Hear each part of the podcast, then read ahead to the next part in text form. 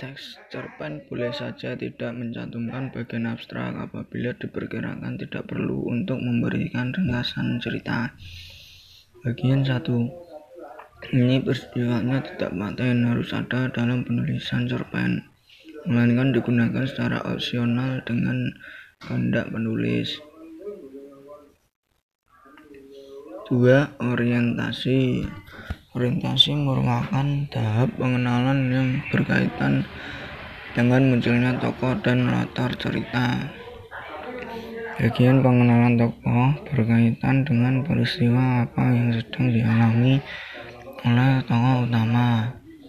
Pada tahapan pengenalan tokoh ini akan ditunjukkan bagaimana karakter dari pemeran utama tersebut.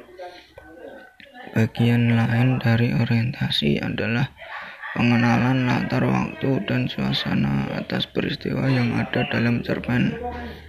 Fungsi latar